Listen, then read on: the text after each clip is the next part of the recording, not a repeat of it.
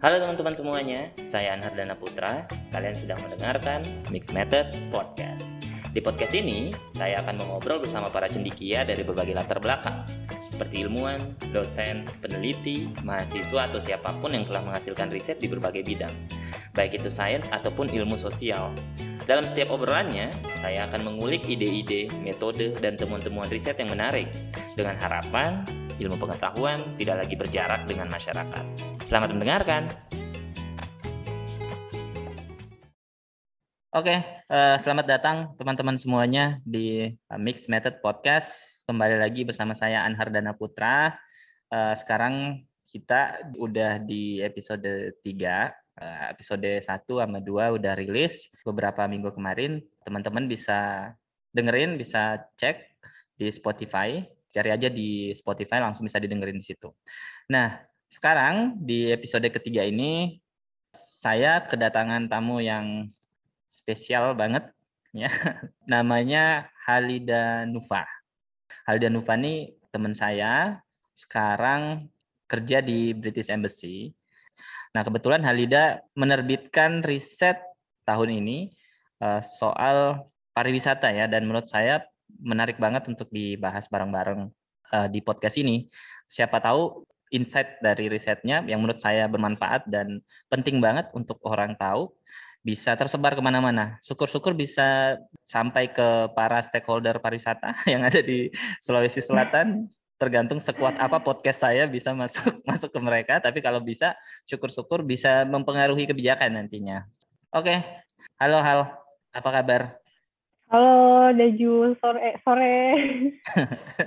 baik ya. baik. Baik ya. Uh, sekarang lagi di mana di rumah ya? Iya sekarang lagi di rumah. Uh, mungkin bisa diceritakan sedikit nih sebelum masuk ke risetnya, kamu sehari-hari ngapain sekarang? Biar pendengar kita tahu siapa Halida Nufaisa atau Halida Nufa. Silakan. Sebelum saya iya, nanya-nanya soal risetnya. Oke, ya makasih. Um, apa namanya? Aku Halida. Uh, saat ini kerja sebagai Education and Skills Advisor di British Embassy Jakarta. Uh, sebelumnya juga menjadi peneliti untuk salah satu riset uh, mengenai pariwisata, pemulihan ekonomi pariwisata dengan uh, lembaga United Cities Local Government Asia Pacific yang sebenarnya risetnya itu sudah dijalankan di tahun 2020, uh, cuman publikasinya memang baru sekarang ini dan pada waktu itu didanai oleh uh, Uni Eropa. Uh, saya udah cukup lama uh, bekerja di sektor development, terutama di international development itu sendiri. Uh, sudah hampir uh, kurang lebih enam enam tahun lah ya enam tujuh tahun di sektor ini sendiri uh, untuk uh, dan bekerja untuk beberapa isu seperti uh, terutama uh, anak muda dan juga sebelumnya juga sudah uh, banyak aktif terlibat di beberapa riset-riset juga gitu. Hmm, kalau sehari-hari sebenarnya sih karena memang lagi pandemi ya jadi ya gini-gini aja gitu. jadi kamu ngapain di... ngapain aja sehari-hari selama pandemi? Apa nonton Netflix atau sepedaan, olahraga, nge-gym? Yang pasti WFH, working from home, terus juga nah. uh, di sela-sela WFH itu uh, apa namanya aku uh, banyak ngelakuin online workout jadi supaya oh. kita uh, ada kegiatan ya, ada ada ada maksudnya kalau menurutku sih lumayan penting ya kalau di sebelum pandemi kan kita tuh kayak banyak pergi ke sana kemari ke sana kemari. Sedangkan tuh uh, hmm. kalau pandemi kan mau nggak mau kita harus banyak di rumah. Jadi kayak channeling energinya tuh ya dengan ikut online workshop kelas kelas olahraga online. Kayak jadi, kayak yoga gitu kan? Yoga ada instrukturnya di, di zoom atau di platform iya iya Cuman aku kalau uh, online biasanya ya semacam yoga juga sih, tapi salah satunya sih paling sering uh, cari yang olahraganya kardio biar lebih semangat kayak misalnya zumba, yoga, terus udah gitu ada juga yang uh, nyobain apa namanya pound fit, terus uh, atau kalau mau yang lebih agak slow namanya low intensity interval training. Ya udah itu intinya beberapa jenis olahraga lah ya. Oke. Okay. Nah, yang menarik hari ini adalah karena kan uh, sebelumnya dua episode sebelumnya tuh saya mewawancarai akademik seorang scholars lah ya, eh, seorang intelektual dari kampus. Nah, yang menarik, yang spesial hari ini, saya bicara atau ngobrolnya sama seorang praktisi di NGO, eh, lembaga non-profit organization. Walaupun sekarang kerja di British Embassy ya, kerja di kedutaan, tapi dulunya dan pengalaman yang Halida punya yang apa broad itu pengalamannya uh, di non profit. Jadi mungkin nanti di podcast ini juga kita akan banyak bicara soal bagaimana riset di dunia uh, non profit organization. Uh, uh, mungkin boleh dijelasin dikit sebelum akhirnya saya nanya lebih dalam soal risetnya, overview dari riset yang Halida kerjakan bersama teman-teman. Oke, jadi risetnya sendiri itu judulnya namanya Pemulihan Ekonomi Pariwisata, Tinjauan Kebijakan dan Kemitraan di tiga lokasi dalam konteks pandemi COVID-19.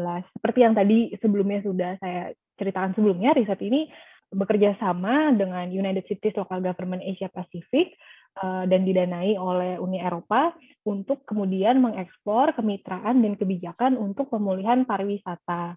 Hmm. Nah, riset ini uh, seperti yang tadi saya juga sudah sampaikan, uh, riset ini dimulai di tahun 2020 sebenarnya, jadi banyak data-datanya ini tahun 2020, cuman memang baru dipublish tuh di tahun 2021 ini.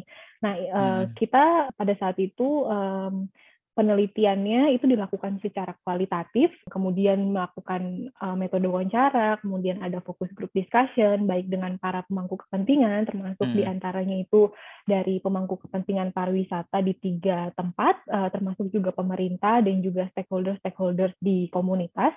Hmm. Itu kita ambil case tadinya di desa, di kabupaten, dan juga di level provinsi. Untuk yang di desa sendiri, itu aku ambil di desa Ngelanggeran, di Kabupaten Gunung Kidul, Provinsi Jogja. Terus untuk yang di kota atau kabupaten, aku ambil di kota Sawalunto, di Provinsi Sumatera Barat. Dan yang terakhir itu, untuk yang di level provinsi, ambilnya di level uh, Sulawesi Selatan. Jadi, kurang lebih itu uh, mengenai risetnya, dan di sini uh, sebenarnya kita banyak uh, mengeksplorasi bagaimana sih sebenarnya um, kondisi pariwisata pada saat pandemi dan kemudian apa namanya bagaimana kemudian prosesnya uh, di setiap daerah untuk ada pemulihan uh, ekonomi atau um, apa namanya proses untuk melakukan pemulihan ekonomi pariwisata ketika menghadapi pandemi gitu dan juga sesudah yeah. pandemi. Oke, nah itu tadi overview singkat ya. Saya udah baca risetnya juga teman-teman kalau misalnya uh, mau baca nanti saya uh, taruh linknya di uh, di apa bio podcast episode 3 ini. Nah, yang yang menarik dari riset itu adalah ada beberapa rekomendasi soal bagaimana akhirnya pemulihan dan ada beberapa data-data soal masalah pariwisata ternyata yang terkena dampak parah banget nih gara-gara pandemi Covid. Kalau aku baca sih di risetnya ditulis hampir 68 persen ya penurunan kunjungan uh, wisatawan gitu di Indonesia gara-gara pandemi itu. Jadi kayak uh, emang parah banget dampaknya ke pariwisata. Dan ternyata dari riset itu juga saya baca sektor pariwisata tuh ternyata sektor yang semua orang baru sadar rentan ternyata kalau ada masalah. Jadi ibaratnya kayak gara-gara pandemi ini orang semua sadar kalau ternyata kita nggak boleh bergantung pada uh, wisata satu-satunya sektor wisata satu-satunya. Nah, uh, nanti kita akan masuk lebih jauh soal temuan-temuan risetnya yang yang menarik di risetnya Halida dan kawan-kawan ini. Tapi aku mau nanya dulu, kenapa Halida mau melakukan riset ini dan kena, bagaimana Halida bisa ketemu akses ke lembaga yang mendanai risetnya? Itu apa yang melatar belakanginya? Oke, Uh, jadi kalau misalnya di riset ini sendiri, uh, memang kebetulan waktu itu ada opportunity-nya ya untuk um, pariwisata. Nah, kalau berdasarkan dari begitu aku melihat opportunity itu sebenarnya uh, aku tuh langsung kepikiran waktu ketika aku ada uh, ketika aku terlibat di salah satu program untuk uh, anak muda di wilayah Sulawesi Selatan yang waktu itu sebenarnya juga mengembangkan uh, pilot untuk community based tourism terutama waktu itu hmm. di daerah baru gitu. Jadi hmm. uh, belajar dari situ, belajar dari pengalaman uh, praktis itu ketika ngelihat ada kesempatan ini sebenarnya ini bisa jadi salah satu momentum yang cukup uh, menarik ya karena kan aku juga uh, secara personal dan profesional itu hmm. uh, memang cukup memang cukup tertarik gitu dengan isu-isu pariwisata dan juga hmm. uh, makanya itu sebenarnya yang mendasari uh, awalnya kenapa akhirnya mau membuat uh, riset ini gitu ditambah lagi kemudian juga uh,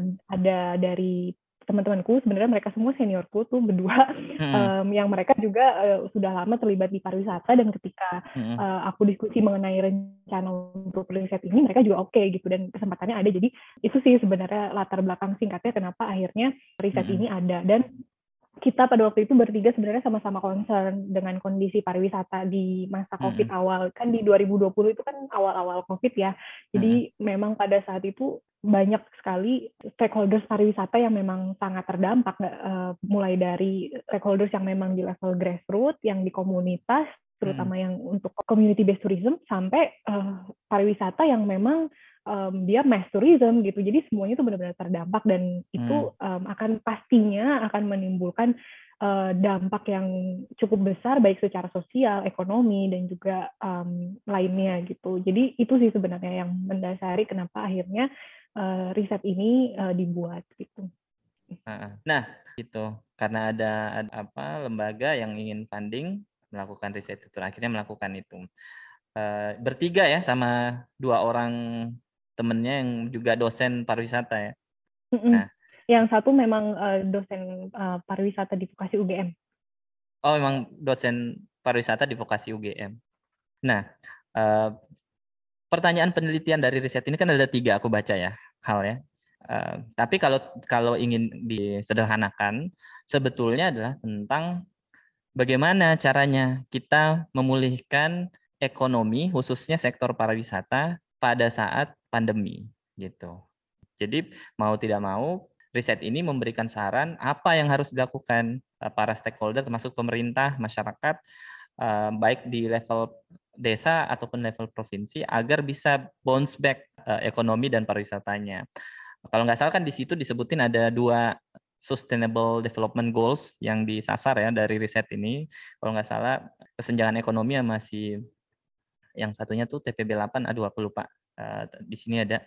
Nah nanti pekerjaan mungkin, yang layak decent work oh iya itu pekerjaan yang layak. Nah itu juga disasar. Jadi ibaratnya uh, riset ini selain mendapatkan gambaran utuh tentang seberapa parah sektor pariwisata terdampak tapi juga memberikan rekomendasi berdasarkan data-data yang Halida temukan di lapangan walaupun lewat online apa yang harus dilakukan. Nah, ini berapa lama risetnya hal dilakukan?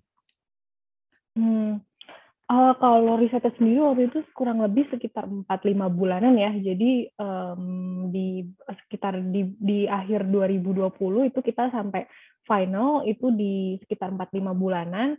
Tapi hmm. memang uh, baru dipublishnya kan memang di 2021 ini gitu. Jadi um, hmm. setelah melalui proses um, sudah selesai uh, sudah selesai ditulis itu kemudian ada proses peer review juga dengan stakeholders di kementerian uh, di Kementerian Pariwisata kemudian di uh, pemerintah daerah yang apa namanya kita masukkan ke dalam lokasi um, lokasi di riset ini uh, hmm. kemudian dari level um, organisasinya sendiri dari UCLG aspeknya baru um, akhirnya uh, final jadi uh, kalau secara penulisan uh, dan juga proses pengumpulan datanya itu finalnya di mungkin sekitar 4-5 bulan tapi kalau benar-benar finalnya itu kayaknya setahun ya hampir setahun.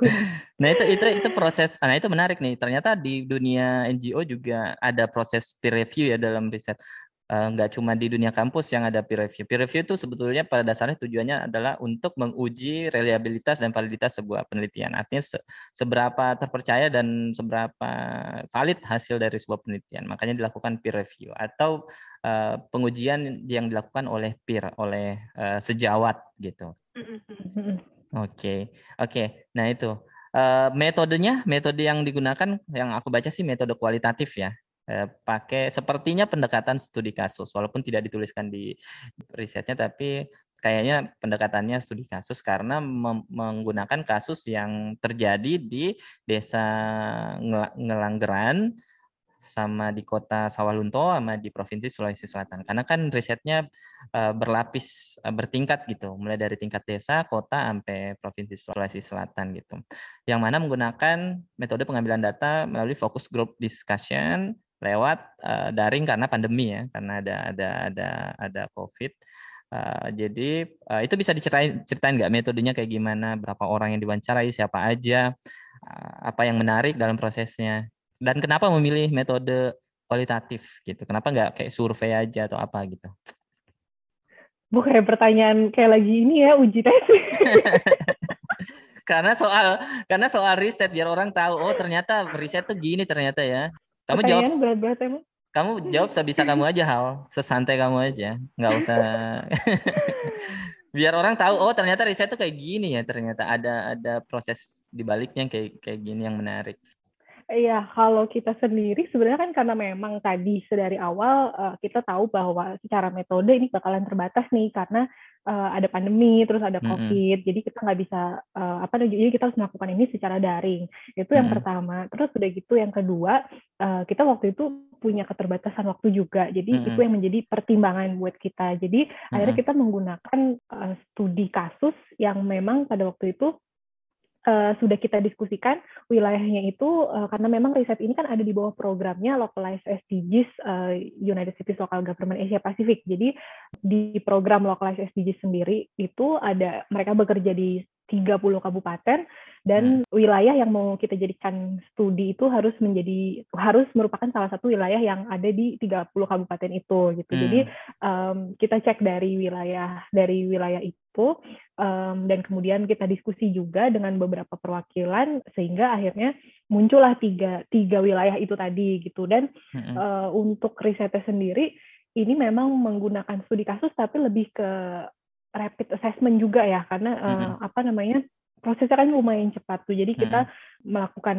strategi uh, review strategi review kebijakan review uh, roadmapnya terus kemudian juga peta jalannya uh, peta jalan atau rencana-rencana jangka pendek dan juga jangka menengah yang dilakukan dari tiga wilayah itu mm-hmm. kemudian juga um, apa namanya review terkait fungsi-fungsi uh, fungsi-fungsi uh, OPD atau organisasi perangkat daerah, terus juga mm -hmm. stakeholders, dan baru kemudian di fase terakhir itu kita ada uh, analisa data temuan sesuai uh, kerangka teori yang kita buat di riset ini gitu. Jadi mm -hmm. uh, itu sih sebenarnya prosesnya dan kita juga uh, melakukan beberapa proses kajian literatur dan secondary data yang memang cukup intens ya pada waktu itu. Jadi kita tuh uh, kalau misalnya aku lihat lagi nih di dokumen-dokumennya tuh hmm. banyak banget. Uh, jadi dari riset yang riset yang yang sekarang mungkin jadinya 76 halaman tapi hmm. yang data eh, data-data yang kita kumpulin dan yang kita baca tuh sampai ya tahu sendiri lah ya gitu ribuan sama, gitu. Hmm. Sampai ribuan halaman ratusan, gitu. ada ratusan lah ya, nggak ribuan Karena, tapi kita juga banyak karena Halida pasti hmm. juga baca kayak RPJMD eh, dokumen-dokumen itu yang isinya bejibun banget halamannya tuh pasti kan banyak banget mm -mm. Uh, kayak kayak dokumen kita kita tuh bahkan ngumpulin policy dokumen ada perda ada renstra dari dari uh -uh. tiga wilayah itu kan banyak banget sampai uh -uh. Uh, ada renstra renja perda sk terus ada semua tapi uh, khusus pariwisata kan ya pasti kan? Nggak nggak nggak iya secara dong. umum. Nah iya ya kita kenapa tiga daerah ini? Apa yang menarik sampai akhirnya dipilih? Apa karena ya sekedar hmm. sekedar dari hasil hasil rapid assessment tiga daerah ini yang menarik? Atau dari segi keterjangkauan atau kayak gimana? Kenapa yang dipilih? Hmm. pertimbangannya apa sebenarnya ada beberapa pertimbangan lokasi penelitian. Jadi kita punya kriteria-kriteria utamanya. Yang pertama itu kan pertimbangan secara geografis. Mm-hmm. Um, kemudian ada juga uh, pertimbangan ge- uh, pertama untuk yang pertimbangan geografis itu kan dari segi um, gimana nih kita sebenarnya pada waktu itu punya keterbatasan kita nggak bisa dong bikin riset di 30 tempat dalam waktu yang terbatas mm-hmm. gitu kan jadi mm-hmm. kita coba uh, setidaknya kita bagi aja ada yang dari wilayah Indonesia Barat hmm. uh, tengah eh, dan timur walaupun sebenarnya nggak timur timur banget sih Sulawesi tapi di tengah itu uh, iya. tapi nah. setidaknya secara geografis udah cukup uh, apa sudah cukup beragam lah ya kayak gitu nah hmm. terus kemudian ada pertimbangan dari daya saing pariwisata nah daya saing ini kan Hmm. termasuk di dalamnya itu uh, atraksinya, terus kemudian target pasar wisatawannya dan juga sebagainya. Kemudian yang terakhir ini adalah kriterianya mengenai proses pengambilan keputusan antara pemangku kepentingan di tingkat pemerintahan yang berbeda. Jadi makanya hmm. risetnya sendiri mencoba melihat uh, proses pengambilan keputusan yang sebenarnya tadinya ada di wilayah desa atau yang misalnya di grassroots, terus kemudian naik hmm. lagi di level kota, terus naik hmm. lagi uh, sampai di level provinsi. Jadi um, akhirnya sih ketiga kriteria ini ya yang yang kita uh, apa namanya jadikan acuan untuk uh, memperkaya riset ini dan juga hmm memberikan gambaran uh, mengenai hmm. perspektif yang sebenarnya beragam dari uh, pemangku kepentingan itu sendiri gitu. Oke. Jadi ya karena biar eh, ada biar ada perwakilan dari apa mulai dari timur sampai barat ya sehingga ada ada ada perspektif utuh tentang keadaan pariwisata di seluruh Indonesia secara menyeluruh termasuk juga tentu adalah dinamika interaksi OPD dan segala macam elemen masyarakat yang uh, terkait di sektor pariwisata. Nah, uh, itu tadi beberapa hal soal metodenya, uh, metode riset itu. Sekarang mungkin kita akan masuk ke intinya ya. Mungkin untuk memulai intinya, mulai substansinya, pertanyaan yang mau saya tanyakan sebetulnya adalah seberapa parah sih sebetulnya pariwisata tuh terdampak oleh pandemi ini? Ada nggak data-data yang mungkin Halida bisa sampaikan ke kita semua, baik data kualitatif ataupun kuantitatif? Uh, sama sih seperti yang uh, aku yang uh, apa dituliskan di riset juga. Mm-hmm. Kalau misalnya datanya secara kuantitatif itu kan uh, tercatat ya uh, mm-hmm. per Juni Juni 2020 kemarin itu aja udah mm-hmm. sektor pariwisata itu udah mengalami kerugian tuh sebesar 320 miliar US dollar mm-hmm. atau sekitar 4,4 1.700 triliun rupiah lah ya itu okay. data dari UNWTO gitu dan bahkan kemudian ada juga data mengenai pengangguran di sektor ini gitu dari apa as per Juni 2020 itu sampai hmm. ada 63,4 juta orang itu yang menganggur gitu karena eh, hmm. dampak dari terdampak dari pandemi ini uh, dan itu 63,4 juta orang ini berasal dari regional uh, Asia Pasifik gitu dan hmm di pertengahan tahun pertama 2020 aja di sekitar di semester pertama ya uh, sekitar eh, enam uh, bulan pertama itu tuh hmm. kunjungan wisatawan aja udah turun sampai 65 persen gitu jadi memang hmm. ini sangat sangat terdampak dan seperti yang teman-teman tahu sendiri lah ya gitu banyak sektor sektor-sektor yang bekerja di pariwisata kayak misalnya bahkan maskapai penerbangan aja tuh udah pada tutup terus kemudian uh, bangkrut terus kemudian hmm. juga ada yang mereka beralih menjadi uh, yang tadinya mengangkut penumpang jadi misalnya jadi logistik jadi sektor hmm, logistik hmm. gitu hmm. untuk barang untuk vaksin hmm. dan lain-lain jadi memang bahkan, uh, sebesar itu gitu bahkan sekarang Air Asia tuh pramugarinya jadi ini jadi driver sekarang ada ada itu RS-nya. Ba banyak sih sebenarnya cerita-cerita yang uh, kalau misalnya apalagi kalau misalnya kita lihat di di kawan-kawan yang terlibat di ini ya di pariwisata yang misalnya di level uh, komunitas sendiri hmm. mereka tuh banyak yang beralih gitu yang tadinya misalnya jadi pemandu jadi tour guide hmm. itu uh, kemudian ada yang kemudian mereka jadi jualan makanan lah terus kemudian ada yang uh, apa namanya ada yang mereka jadi jatuhnya jadinya kalau menurutku ya dari perspektif ketenaga kerjaan jadi kayak hmm. upskilling gitu jadi kayak hmm. orang-orang yang di tenaga kerja yang ada di sektor pariwisata itu mereka berusaha mengupskilling dan reskilling um, hmm. apa keahlian mereka supaya hmm. uh, selama pandemi ini juga bisa tetap relevan gitu. Ya dan bisa survive lah ya. Tapi yang yang jadi masalah ketika mereka nggak siap dan nggak punya skill lain selain itu nanti akhirnya jadi jadi jadi uh, jobless dan akhirnya nggak dapat penghasilan akhirnya nggak bisa survive gitu dan akhirnya mendapat banyak masalah. Uh, seperti yang tadi dijelasin sama Halida uh, jumlah pengangguran akhirnya jadi jadi jadi meningkat. Nah itu kan kelihatan banget ya ternyata sektor pariwisata tuh uh, rentan dan itu di, di, diceritain juga di di di riset ini di, dijelasin juga. Sebelum kita masuk ke kondisi dari tiga uh, level daerah ini. Aku mau tahu dulu dong hal kenapa pariwisata tuh serentan itu dan kenapa orang nggak sadar selama ini kalau pariwisata ternyata rentan. Aku juga baru tahu nih, baru nggak setelah baca risetnya, oh iya ya benar ternyata sesuatu sektor yang selalu menjadi apa ya, menjadi apa ya, banyak kontribusi ke ekonomi, devisa dan segala macam. Kelihatan superhero lah sektornya gitu untuk untuk ekonomi gitu. Halida mungkin bisa berbagi perspektif enggak soal itu? Uh, ini sebenarnya udah sedikit masuk ke uh, apa namanya salah satu rekomendasi di penelitian ini juga sih gitu. Mm -hmm. uh, kita kan ngelihat bahwa sebenarnya selama pandemi ini tadi yang tadi kita juga udah diskusikan dampaknya mm. tuh seluas itu gitu. Tapi kita juga tidak bisa memungkiri bahwa keuntungan atau benefit yang didapat uh, dari sektor pariwisata sebelum pandemi itu kan juga memang sebesar itu gitu dan memang mm. banyak secara hitung-hitungan itu banyak menyumbang apa namanya menyumbang terhadap pertumbuhan ekonomi kayak gitu. Kita mm. tidak bisa menafikan hal itu gitu kan. Memang itu kenyataannya seperti itu.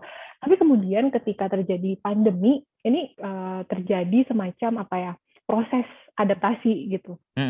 Ada proses adaptasi yang mungkin uh, yang mungkin kemudian menyadarkan bahwa pada akhirnya uh, pariwisata itu juga harus dilihat sebagai salah satu sektor yang memang menguntungkan, tetapi seharusnya tidak tidak melupakan uh, sektor esensial di satu daerah itu sendiri gitu karena mm -hmm. uh, kenapa karena pariwisata ini kan kita bergantung dari pihak eksternal gitu mm -hmm. kita bergantung uh, mengembangkan satu pariwisata itu kan kita bergantung dari pengunjungnya siapa yang mau mengunjungi daerah tersebut terus kemudian um, bagaimana kondisi daerah tersebut. Dan padahal uh, kondisi pariwisata itu sebenarnya memang sangat rentan. Kalau misalnya contohnya ketika di satu daerah udah dikembangkan sudah mengembangkan pariwisata, kita nggak tahu misalnya nanti ternyata daerah itu uh, ada kerusuhan aja, ada kerusuhan, uh, hmm. itu kan udah orang-orang pasti uh, akan menghindari untuk travel ke daerah tersebut. Iya. Terus bener. juga misalnya ada bencana alam, ketika ada bencana alam, orang pasti langsung yang pertama kali dikat itu kan pariwisatanya, jangan jangan dulu kunjung ke daerah tersebut karena ada ada bencana alam kayak gitu. Terus -hmm. juga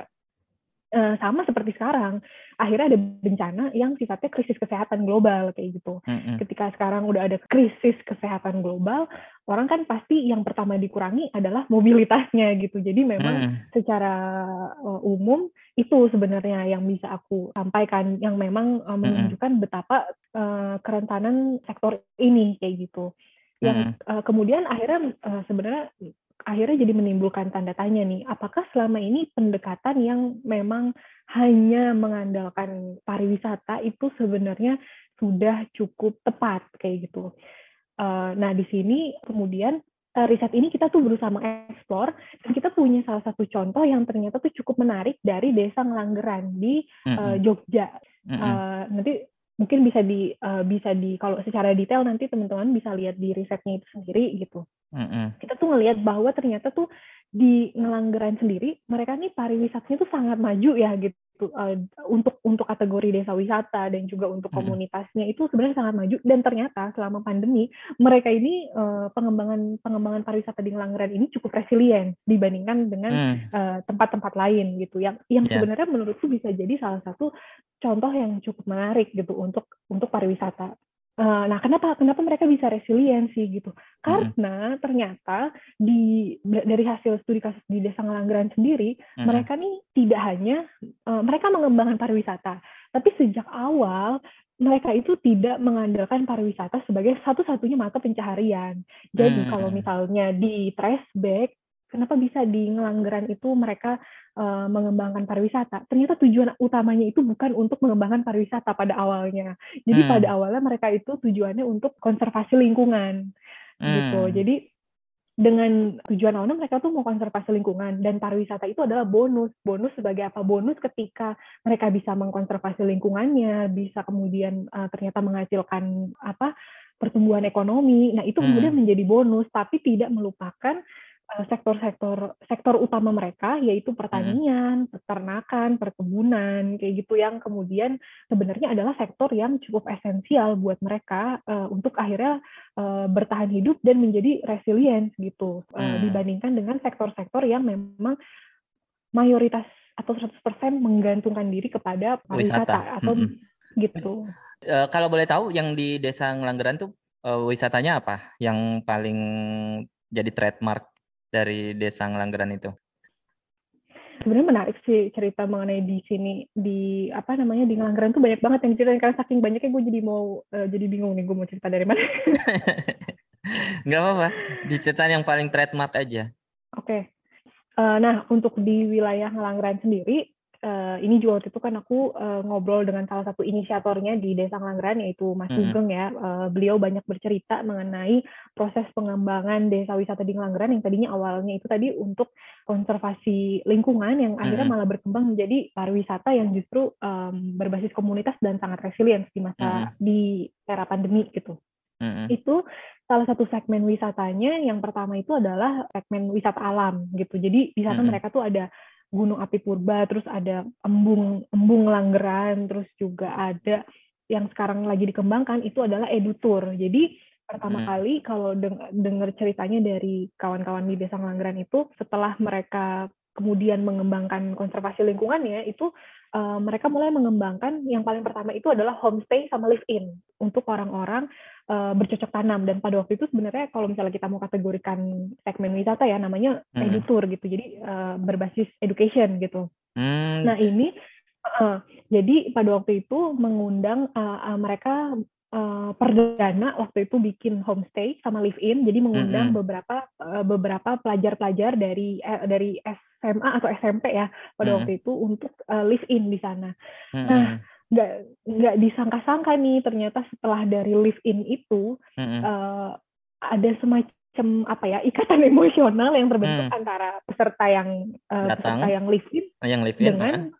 dengan uh, warga di sana gitu mm. dan nah dari dari dari situ sebenarnya muncullah uh, dari situ sebenarnya pariwisatanya mulai berkembang karena mm-hmm. uh, akhirnya uh, berkembang secara uh, word word of mouth ya atau dari mm-hmm. dari mulut ke mulut itu uh, peserta-peserta yang sudah mm-hmm. merasakan live in di desa Langgeran terus mereka mm-hmm. juga kayak merasa mendapatkan banyak ilmu dan uh, mendapatkan banyak perspektif baru tinggal di desa untuk belajar bercocok tanam itu uh, punya uh, apa namanya semacam kayak apa ya kayak balas jasa gitu kali ya buat hmm, mereka, hmm, buat hmm. buat warga ngelanggeran untuk selanjutnya kemudian mereka promosikan kayak gitu sampai hmm.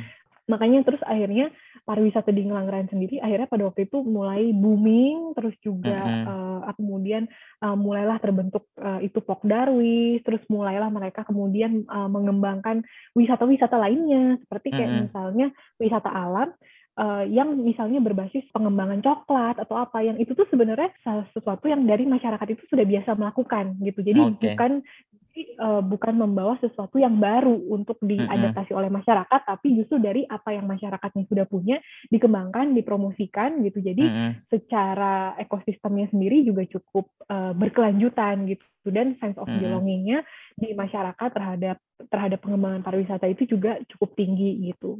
Hmm, jadi yang yang yang saya tangkap ya, yang menarik dari Desa Ngelanggeran itu adalah pertama, dia tidak hanya mengandalkan pariwisata dalam eh, kegiatan ekonominya, tapi dia punya sumber lain yaitu dari berkebun dan bercocok tanam.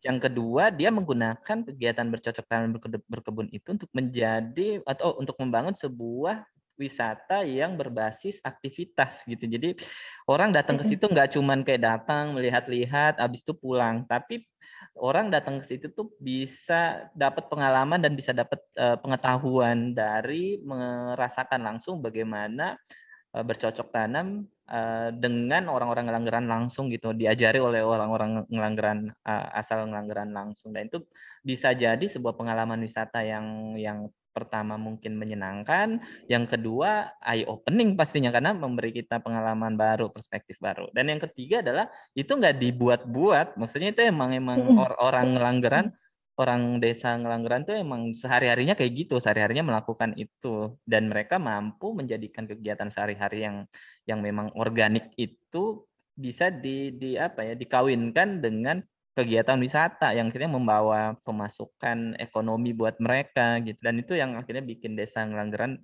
menjadi resilient ya terhadap pandemi ini kayak walaupun terkena dampaknya tapi nggak terlalu parah-parah amat dan bisa bangkit dengan cepat karena faktor-faktor itu tadi. Nah itu di desa Ngelanggeran. Pantesan ya akhirnya desa Ngelanggeran tuh jadi salah satu uh, lokus untuk penelitian ini karena emang emang menarik gitu. Mungkin mungkin bisa dicontoh juga sama desa-desa lain. Nah itu kalau desa Ngelanggeran, hal kalau di uh, Sawah Lunto dan Sulawesi gimana? Kalau di Sawah Lunto sendiri ini sebenarnya um, cukup mix ya. Jadi hmm. cukup campur nih. Uh, ada banyak inisiatif yang muncul dari bottom up, tapi banyak juga inisiatif yang muncul secara top down. Uh, pada saat riset ini dibuat, uh, Sawah Lunto itu sedang berproses untuk uh, kemudian mendapatkan status global UNESCO uh, Global Geopark. Tuh. Jadi uh, memang uh, menarik ya. Jadi kalau misalnya teman-teman bisa uh, lihat nanti di risetnya itu sendiri, hmm. ini uh, di Sawalunto itu ada jadi kalau di Sumatera Barat ada namanya Geopark Tanah Minang. Hmm, hmm. Jadi ada Geopark Tanah Minang ini tersebar di sembilan lokasi di Sumatera Barat, di Ngaresiano, Siloket, Danau Maninjau, sama di Sawah Lunto kayak gitu. Nah ini sawah lunto ini sebenarnya masih baru gitu. Jadi baru dinobatkan uh, untuk geopark nasionalnya sendiri ya. Baru di nasionalnya mm -hmm. sendiri itu di tahun 2018. Baru kemudian sekarang sedang dalam proses uh, untuk uh, global geopark kayak gitu. Mm -hmm. dan pada prosesnya ini itu di level di level uh, stakeholders di pemerintah inisiatif mm. di secara top down dan juga di level bawah di bottom up itu tuh sudah banyak inisiatif yang muncul gitu jadi memang apa ya uh, campur gitu mm. um, apa namanya untuk untuk di uh, pengembangan pariwisata di sini nah mm. um, oleh karena itu sebenarnya kalau misalnya tadi di Desa Ngelanggeran itu inisiatifnya benar-benar muncul dari bottom up kayak gitu. Mm -hmm. Kalau yang ini nih uh, menarik karena dinamikanya tuh ada dari apa namanya ada ada dari atas dan dari bawah kayak gitu. Mm -hmm. Dan sebenarnya di sini yang perlu ditekankan untuk di wilayah sawah Lunto itu adalah model-model integrasinya tuh seperti apa sih antara mm -hmm. um, antara model pengembangan pariwisata yang uh, inisiatifnya dari bottom up sama yang dari top down, ini modal hmm. integrasinya seperti apa? Yang ini sebenarnya yang masih perlu perlu difasilitasi lebih lanjut gitu atau dijembat, hmm. dijembatani secara lebih lanjut gitu bagaimana hmm. menghubungkan Pok Darwisnya,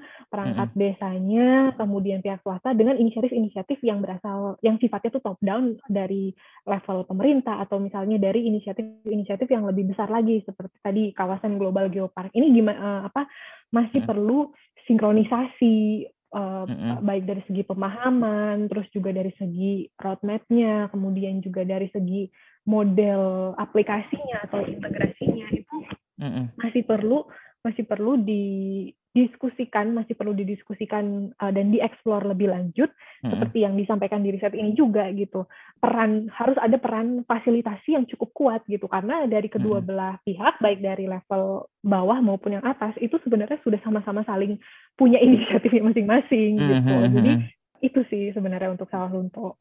Nah kalau Sulawesi gimana? Aku sebagai orang Sulawesi penasaran nih. Nggak usah terlalu panjang kayak yang keduanya. Mungkin yang yang apa yang menarik aja, yang paling menarik dari Sulawesi itu keadaannya atau mungkin cara pengembangan pengembangan wisatanya yang menarik berdasarkan yang Halida temukan. Karena nah, sebagai kalau Sulawesi sendiri, aku pengen tahu. Mm-hmm. Karena aku kan cuma bisa ngelihat dari luar ya pariwisata. Misalnya kayak di beberapa daerah mungkin ada yang maju kayak mungkin di Bulukumba maju pariwisatanya. Di di Selayar yang ada Takaboneratenya di Toraja mungkin. Tapi yang daerah-daerah yang baru muncul pariwisatanya juga menarik sebetulnya. Kayak di Baru kan ada ada beberapa wisata yang dikembangin oleh pemerintah tapi nggak tahu works apa enggak. Tapi kayaknya sih menarik juga dan beberapa daerah lain mungkin. Karena saya kebetulan orang baru jadi saya cuma bisa cerita soal baru kalau di baru ada ada ada yang baru-baru tuh kayak misalnya uh, Pulau Dutungan tapi itu milik swasta sih kalau Pulau Dutungan itu bukan milik pemerintah. Tapi lumayan pro, uh, progresif ininya perkembangan wisatanya. Terus uh, ada, ada beberapa air terjun, ada uh, ada beberapa spot seperti misalnya Pak Launa. Mungkin Halida pernah ke Pak Launa belum? Udah dong. Udah ya. nah itu sayang kalau udah di Baro soalnya belum pernah ke Launa. Terus ke itu Bukit Makdo ada juga. Terus Celebes Canyon yang beberapa kali masuk uh, di cover di media media nasional gitu. Lumayan progresif sih menurut saya baru tapi nggak tahu apa itu um, apa itu mendatangkan keuntungan juga buat pemerintah daerah baru dan apa itu works juga strateginya nggak tahu. Gimana kalau Sulawesi, Hel? Dari perspektif riset kamu? Uh, yang mau kita highlight sendiri kalau misalnya di Sulawesi Selatan ini uh, memang kita lihat itu ada beberapa uh, kemitraan-kemitraan yang memang uh, terbentuk ya. Uh, salah satunya mungkin yang bisa aku highlight untuk pada masa kemitraan pada masa pemulihan ekonomi uh, pariwisata di Sulawesi Selatan gitu. Jadi kalau dari hasil diskusi kita dengan stakeholders di Sulawesi Selatan itu ada ah, namanya pro, uh, sedang ada program pengembangan destinasi wisata uh, mm-hmm. itu di Kepulauan Selayar di Kabupaten Toraja dan hmm. juga di kawasan Geopark Maros Pangkep. Jadi pada saat riset ini dilakukan, pada saat itu tuh sedang ada pengembangan uh, proses pengembangan untuk kawasan Geopark Maros Pangkep. Hmm. Nah kalau di kayak misalnya di Kepulauan Selayar sendiri ini uh, dari hasil diskusi kita itu tuh uh, ternyata dan juga dari hasil policy uh, review kebijakan itu ada semacam uh, konsorsium di wilayah Selasar eh, Selayar maksudku hmm. karena dia itu eh, merupakan kawasan ekonomi khusus atau KEK. E hmm, hmm, hmm, hmm. Karena Jadi, perbatasan kan. Uh, uh, uh, uh. Hmm. Jadi dia uh, merupakan kawasan ekonomi khusus dan saat ini sudah terdapat enam konsorsium uh, yang juga melibatkan pihak-pihak swasta untuk melibatkan uh, destinasi ini gitu.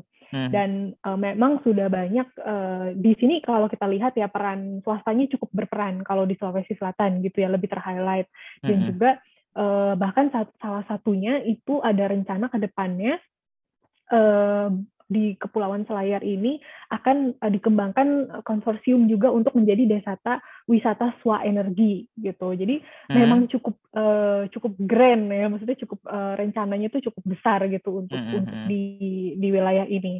Nah, kalau di Sulawesi Selatan sendiri sebenarnya uh, yang kita sorot juga itu adalah peranan dari organisasi uh, Genpi ya Genpi di Sulawesi Selatan ini hmm. sebenarnya kalau misalnya kita dari hasil diskusi uh, dengan stakeholders di Sulawesi Selatan, memang perkembangannya pasang sedikit keaktifan Pak Genpi ini sedikit pasang surut kayak gitu. Iya. Tapi yeah. tapi mereka itu selama beberapa tahun terakhir sebelum sebelum pandemi sih ya, itu mm -hmm. banyak sekali membantu promosi-promosi uh, baik itu melalui media sosial maupun mm -hmm kegiatan offline kayak misalnya ada baru lokal festival kayak gitu yeah, terus yeah. ada mm -hmm. festival Festival Jeneponto waktu World Tourism Day, terus juga mm-hmm. ada acara pengembangan acara di Bulukumba untuk pembentukan destinasi bawah laut, terus mm-hmm. juga ada uh, festival Pinisi, terus juga ada Palopo Art Festival. Jadi mm-hmm. um, ada banyak ada banyak acara-acara yang acara-acara promosi yang juga cukup marak gitu di di Sulawesi Selatan ini dan mm-hmm. banyak juga dapat dukungan dari uh, pihak swasta gitu. Menariknya sih kalau kita lihat di sini memang peran dari pihak swasta itu cukup cukup tinggi gitu ya dibandingkan hmm. uh, wilayah-wilayah uh, lainnya kayak gitu. Hmm. Nah, hmm. cuman mungkin yang uh, menjadi tantangan adalah uh, kalau di Sulawesi Selatan itu sendiri um, ada beberapa uh, kalau kita lihat tadi kan memang uh, kita lihat inisiatifnya secara makro gitu. Nah, kalau hmm. menurutku sendiri inisiatif-inisiatif yang misalnya untuk uh, community based tourism itu mungkin sudah ada inisiatif yang sudah berjalan di di Sulawesi Selatan, tapi mungkin tidak semuanya uh, terinformasikan dengan baik ke pemangku kebijakan, ke pengambil keputusan gitu hmm. uh, dalam ya. Dalam hal ini pemerintah ya. Ya, jadi mungkin sebenarnya inisiatifnya tuh sudah berjalan uh, secara bottom up, tapi mm-hmm. uh, mungkin sama sama seperti uh, tadi yang di Sawalunto gitu, ada beberapa ada beberapa hal yang ada beberapa inisiatif yang baik itu yang yang positif yang sudah berkembang. Mungkin salah satunya juga di uh, di Baru di Kabupaten Baru di Pangkep dan uh, Maros itu um, mm-hmm. Kerjasama dengan pemerintah provinsi ini masih sih perlu dieksplor lebih lanjut gitu ya karena hmm. memang uh, di sini kan ada kepentingan banyak pihak gitu ada benar, kepentingan benar. pemerintah kabupaten uh, hmm. dan provinsi yang yang sebenarnya ini menjadi tantangan sendiri untuk ke depannya di uh, diintegrasikan gitu jadi uh, dan juga kita nggak bisa memungkiri bahwa memang ada or, uh, organis isu mengenai pariwisata di Sulawesi Selatan itu juga adalah isu yang cukup um, apa ya bahasanya mungkin isu yang cukup um, banyak apa? kepentingan politisnya gitu banyak oh. kepentingan politis dan juga uh, pol, uh, karena memang dia me, secara ekonomi itu sangat uh, berperan kayak gitu jadi uh, hmm. di sini dinamikanya itu cukup uh, dinamikanya secara politis uh, untuk isu-isu pariwisata ini memang cukup tinggi gitu di wilayah ini. Maka hmm. dari itu sebenarnya um, proses uh, proses untuk kemudian integrasi, um, kemudian membuat satu enabling environment atau lingkungan yang mendukung mendukung um, terbentuknya kawasan pariwisata yang memang terpadu atau terintegrasi itu kan kemudian menjadi satu PR bukan cuma PR tapi memang proses gitu yang masih perlu dijalani gitu oleh uh, baik itu organisasi perangkat desa maupun juga stakeholders yang ada di level grassroots maupun di kabupaten gitu jadi uh, itu tadi sih. Hmm, jadi PR buat pengembangan wisata di Sulawesi Selatan sebetulnya adalah integrasi pemerintah provinsi ya dengan inisiatif-inisiatif lokal di beberapa daerah di Sulawesi Selatan yang memang sebetulnya udah banyak dilakukan, udah marak dilakukan gitu. Seperti yang tadi beberapa beberapa uh, festival yang disebutin oleh Halida menarik banget sih sebetulnya. Halida malah lebih banyak tahu festival-festival yang ada yang ada di Sulawesi ketimbang saya yang orang Sulawesi sendiri gitu ya. Aku cuma tahu yang disebutin tadi yang yang saya tahu cuma baru lokal festival karena emang saya orang karena baru. dari baru. karena saya orang baru. Yang lain tuh nggak tahu. Hmm.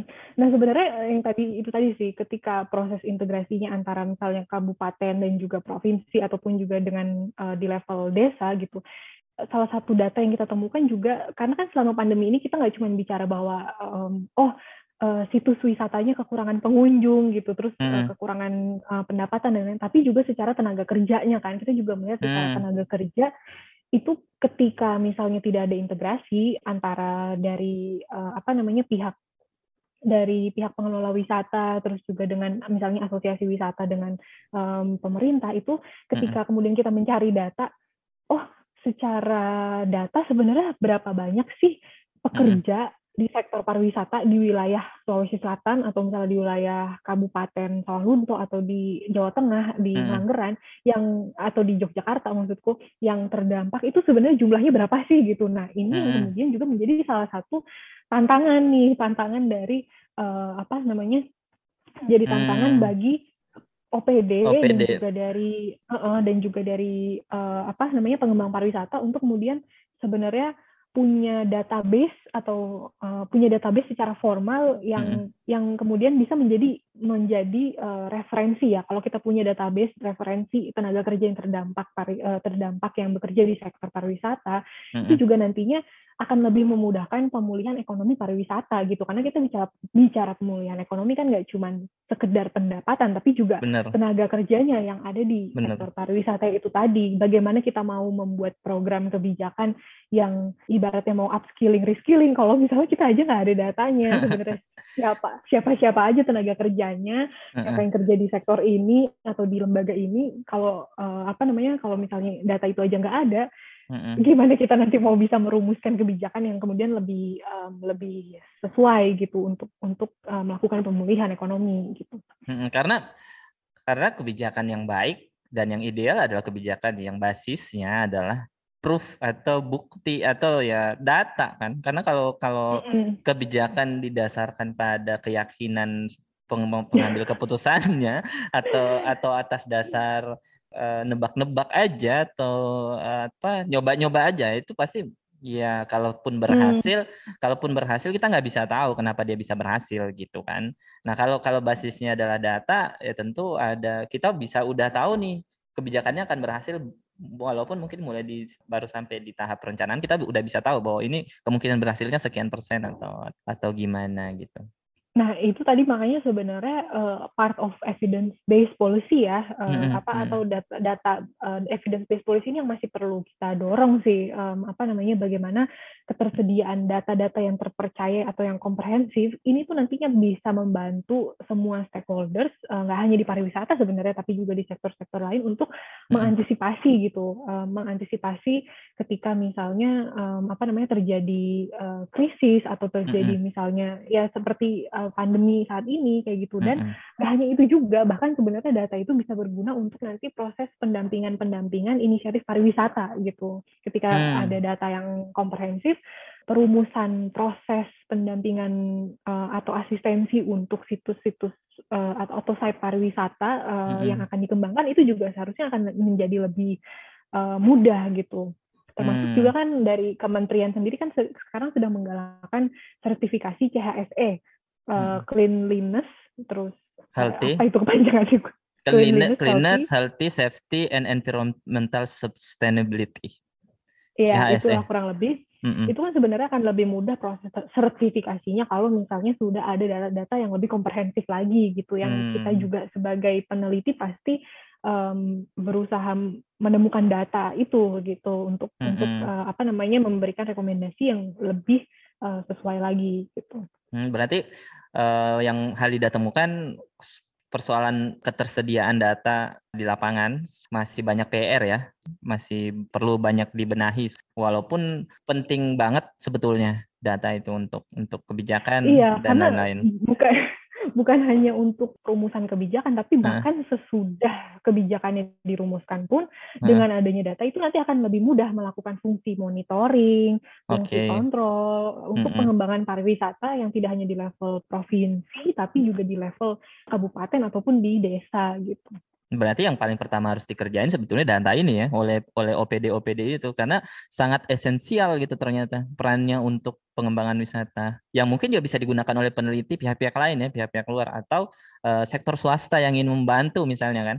Jadi uh, sebetulnya akan sangat bermanfaat banget sebetulnya kalau setiap daerah tuh menyediakan dan membenahi dengan sangat baik uh, ketersediaan data yang mereka punya karena itu akan akan memudahkan mereka nanti untuk pulih dan mengembangkan wisatanya. Oke, dan ini sebetulnya kita udah masuk di bagian akhir hal. Pertanyaan kedua terakhir barangkali. Uh, ini kan kita risetnya bicara soal nggak hanya soal pariwisata, tapi pariwisata after pandemic gitu. Apa sih yang yang beda Kal? Mungkin sedikit aja deh. Apa yang beda gitu? Kalau Halida dipaksa forecasting gitu, melihat ke depan gitu. Uh, apa yang akan berbeda dari pariwisata sebelum pandemi dengan pariwisata setelah pandemi. If you have to forecast. Oke, okay. mm uh, ini sebenarnya masih akan uh, kembali berhubungan dengan kondisi pandemi itu sendiri ya. Kalau mm -mm. misalnya kita lihat sebenarnya uh, banyak literatur literatur atau berita-berita yang menyatakan bahwa mm. pandemi itu nggak akan langsung hilang gitu aja gitu. Mm -hmm. Tapi pasti akan jadi epidemi, terus juga kemudian jadi secara perspektif kesehatan itu tidak akan misalnya dia benar-benar lenyap. Jadi menurutku satu hal yang paling um, satu yang paling upaya, satu yang paling nyata itu uh, mengenai protokol kesehatan itu sendiri ya gitu. Mm-hmm. Mungkin aku sih diprediksi bahwa mungkin nantinya ke depannya protokol kesehatan ini bisa jadi tidak hanya diterapkan dalam konteks pandemi tapi juga secara permanen gitu karena mungkin uh, ke depannya mm-hmm. ini nanti orang-orang akan lebih banyak mempraktekkan safe tourism gitu. Mm. Jadi okay. safe tourism ini bukan cuma dari segi kesehatan, tapi juga misalnya dari keamanan atau juga misalnya praktek-praktek wisata yang sifatnya mendorong well-being kayak gitu, mendorong hmm. uh, well-being dan juga ke arah misalnya apa konservasi lingkungan kayak gitu. Hmm. Kalau ini yang pertama, nah ini sebenarnya masih berkaitan dengan yang kedua yaitu munculnya tren virtual virtual tour gitu, walaupun hmm.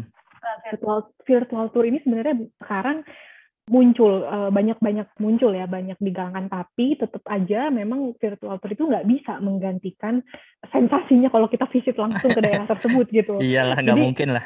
Tidak akan menggantikan tapi hmm. um, virtual tour ini kalau menurutku bisa menjadi salah satu apa ya kayak bahan marketing gitu kayak marketing hmm, uh, iya, apa, iya. salah satu promosi salah gitu. Satu, salah satu promosi sebelum uh, karena kan ketika ada virtual virtual tour ini kan orang jadi bisa ngeliat langsung nih oh uh, nanti kebijak misalnya apa ketika misalnya mereka mau visit mau visit ke daerah A mereka mau lihat dulu nih uh, apa namanya secara virtual itu seperti apa kayak gitu. Dan uh, ini kan sebenarnya kemarin selama pas awal-awal pandemi itu tuh di beberapa daerah ya termasuk kayak misalnya di Ngelanggeran sendiri kan sudah menerapkan virtual tour gitu sudah diterapkan Oh iya. Jadi dari adanya oh. adanya virtual tour di di Ngelanggeran itu mereka bisa dapat pendapatan tidak hanya dari membayar uh, bayar untuk datang virtual tournya tapi juga hmm. setelah virtual tour orang-orang itu bisa mem membeli uh, souvenir souvenir Ngelanggeran di hmm. uh, apa online online platform mereka yang mereka promosikan hmm. setelah virtual virtual tour gitu. Jadi hmm. mungkin